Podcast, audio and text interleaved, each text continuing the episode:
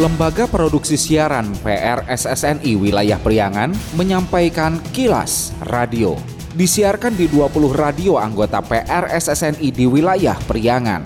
Dan kilas radio edisi kali ini di antaranya mengenai Bea Cukai himbau masyarakat partisipasi aktif berantas rokok ilegal.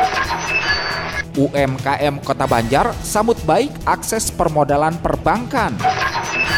Pendengar, inilah kilas radio selengkapnya. Kilas Radio. Kilas Radio. Kilas Radio. PR SSNI Jabar Wilayah Priangan.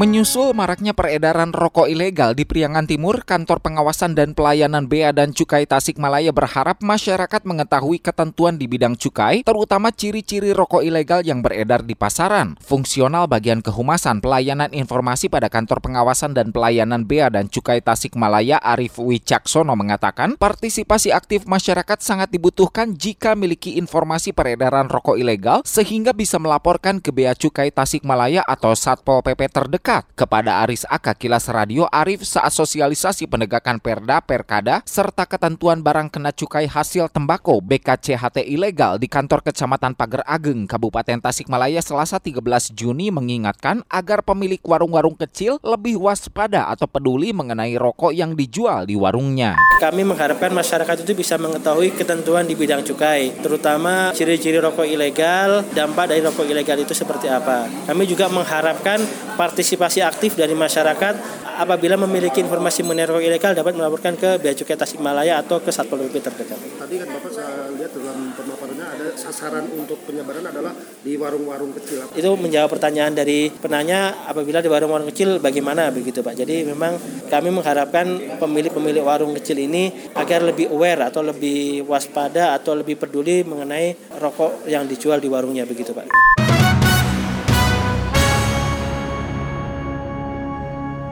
Polres Ciamis kembali merilis kasus persetubuhan dan perbuatan cabul terhadap anak di bawah umur. Kapolres Ciamis AKBP Tony Prasetyo Yudangkoro Rabu 14 Juni menjelaskan modus operandinya diduga tersangka SM merekrut anak korban SN untuk menjadi pekerja yang akan melayani laki-laki dengan cara menjanjikan akan mendapatkan bayaran atau uang banyak guna memenuhi keperluan hidupnya. Tony menyebut pelaku dijerat Undang-Undang Nomor 21 Tahun 2007 tentang pemberantasan tindak pidana Perdagangan Orang dan Undang-Undang tentang Perlindungan Anak atau pasal 296 atau pasal 506 KUH pidana dengan ancaman hukuman 3 hingga 15 tahun. Diungkap tanggal 12 Juni 2023 korban yang masih berumur 14 tahun masih berstatus sebagai pelajar dan terkait dengan tidak pidana perdagangan orang dan persetubuhan dan atau perbuatan cabul tersebut, kami menetapkan tersangka sebanyak dua orang. Inisial SM, umur 20 tahun. Yang kedua, inisial AN, umur 26 tahun. Kilas Radio. Kilas Radio. Kilas Radio. PR SSNI Jabar Wilayah Priangan. Bila Anda mendapatkan hal-hal atau peristiwa penting untuk diliput oleh tim Kilas Radio, hubungi hotline servis kami, SMS atau WA ke nomor 0813 2424 5911 0813 2424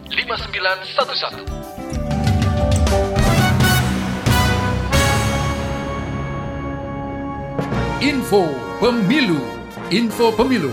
Persembahan PR SSNI Jawa Barat Komisi Pemilihan Umum KPU Kabupaten Pangandaran telah capai 90 persen lebih tahapan verifikasi pencalonan Bacaleg DPRD. Ketua KPU Pangandaran Muhtadin mengatakan proses verifikasi administrasi pencalonan anggota DPRD yang dilakukan pihaknya berdasar pada PKPU tentang pencalonan dan juga berpedoman pada juknis KPU. Menurut Muhtadin, verifikasi administrasi di antaranya dilakukan terhadap dokumen persyaratan bakal calon anggota DPRD, mulai keabsahan dokumen persyaratan yang meliputi meliputi KTP, ijazah, persyaratan administrasi, surat pernyataan keterangan kesehatan jasmani dan rohani, serta sehat dan bebas penyalahgunaan narkoba. 14 partai politik hmm. yang menyerahkan nama-nama bakal calon anggota DPRD dengan jumlah se Kabupaten Pangandaran jumlah bacaleg itu ada 485 bacaleg tersebar di lima dapil. Sejauh ini proses kita sudah melebihi dari 90% proses verifikasi administrasi.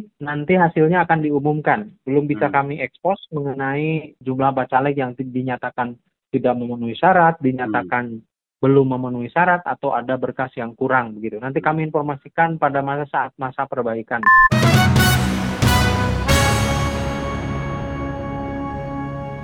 Wakil Wali Kota Nana Suryana mengapresiasi Bank Jabar Banten yang siap memberikan bantuan permodalan bagi para pelaku UMKM di Kota Banjar guna memotivasi kembali UMKM yang telah berjalan dan lebih meningkat lagi. Nana saat sosialisasi layanan akses permodalan dan pemberdayaan UMKM juara berbasis digital di Aula Somahna Bagja di Buana, kantor sekretariat daerah Kota Banjar Rabu 14 Juni mengatakan jumlah pelaku UMKM di Kota Banjar dari tahun ke tahun terus meningkat dan diperkirakan saat ini ada hampir 38 ribu. Menurut Nana, banyak hal yang dilakukan dalam kegiatan sosialisasi, terlebih perbankan yang terus mensupport terkait permodalan, aksesnya dipermudah dan dibantu juga marketingnya. meningkatkan gridnya lah bisa betul-betul UMKM juara ini betul-betul juara di dalam pemasaran marketing.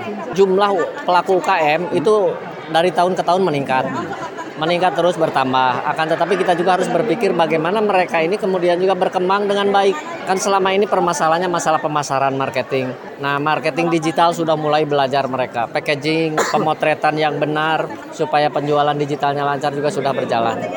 Pemimpin Divisi Kredit UMKM Bank BJB Cabang Kota Banjar, Denny Mulyadi menyampaikan untuk kuota kur tahun ini mengalami peningkatan yaitu 3 triliun dan merupakan suatu kepercayaan dari Kementerian Keuangan bagi Bank BJB dan respon positif bagaimana akses permodalan dan serapan permodalan di Jawa Barat sangat baik. Menurutnya, di Banjar tercatat kurang lebih 20 miliar rupiah penyaluran permodalan untuk UMKM dan pihaknya menargetkan harus naik 30% dibanding tahun lalu. Untuk Banjar tidak ada kuota, berapapun besarannya kita bisa untuk diserap oleh Kota Banjar. Ada kenaikan, hampir lebih dari 50 persen ya, dari sebelumnya 1,8 triliun, naik 2 triliun, sekarang 3 triliun. Dan ini pun tahun lalu itu kita di 1,8, minta lagi nih per triwulan akhir jadi 2,1. Hari ini pun kalau 3 triliun bisa diserap di sampai triwulan ketiga, kita bisa masih nambah berapapun kuota yang. Jadi ini sangat terbuka sebetulnya. Salah seorang pelaku UMKM Kota Banjar, Yuda Hardianto, menyambut baik adanya sosialisasi layanan akses permodalan dan pemberdayaan UMKM juara berbasis digital. Sangat terbantu kita ya, terutama di sini ada nilai-nilai promosi kita juga. Kita bisa silaturahmi antara sesama pelaku UMKM, di situ kita bisa sharing, tukar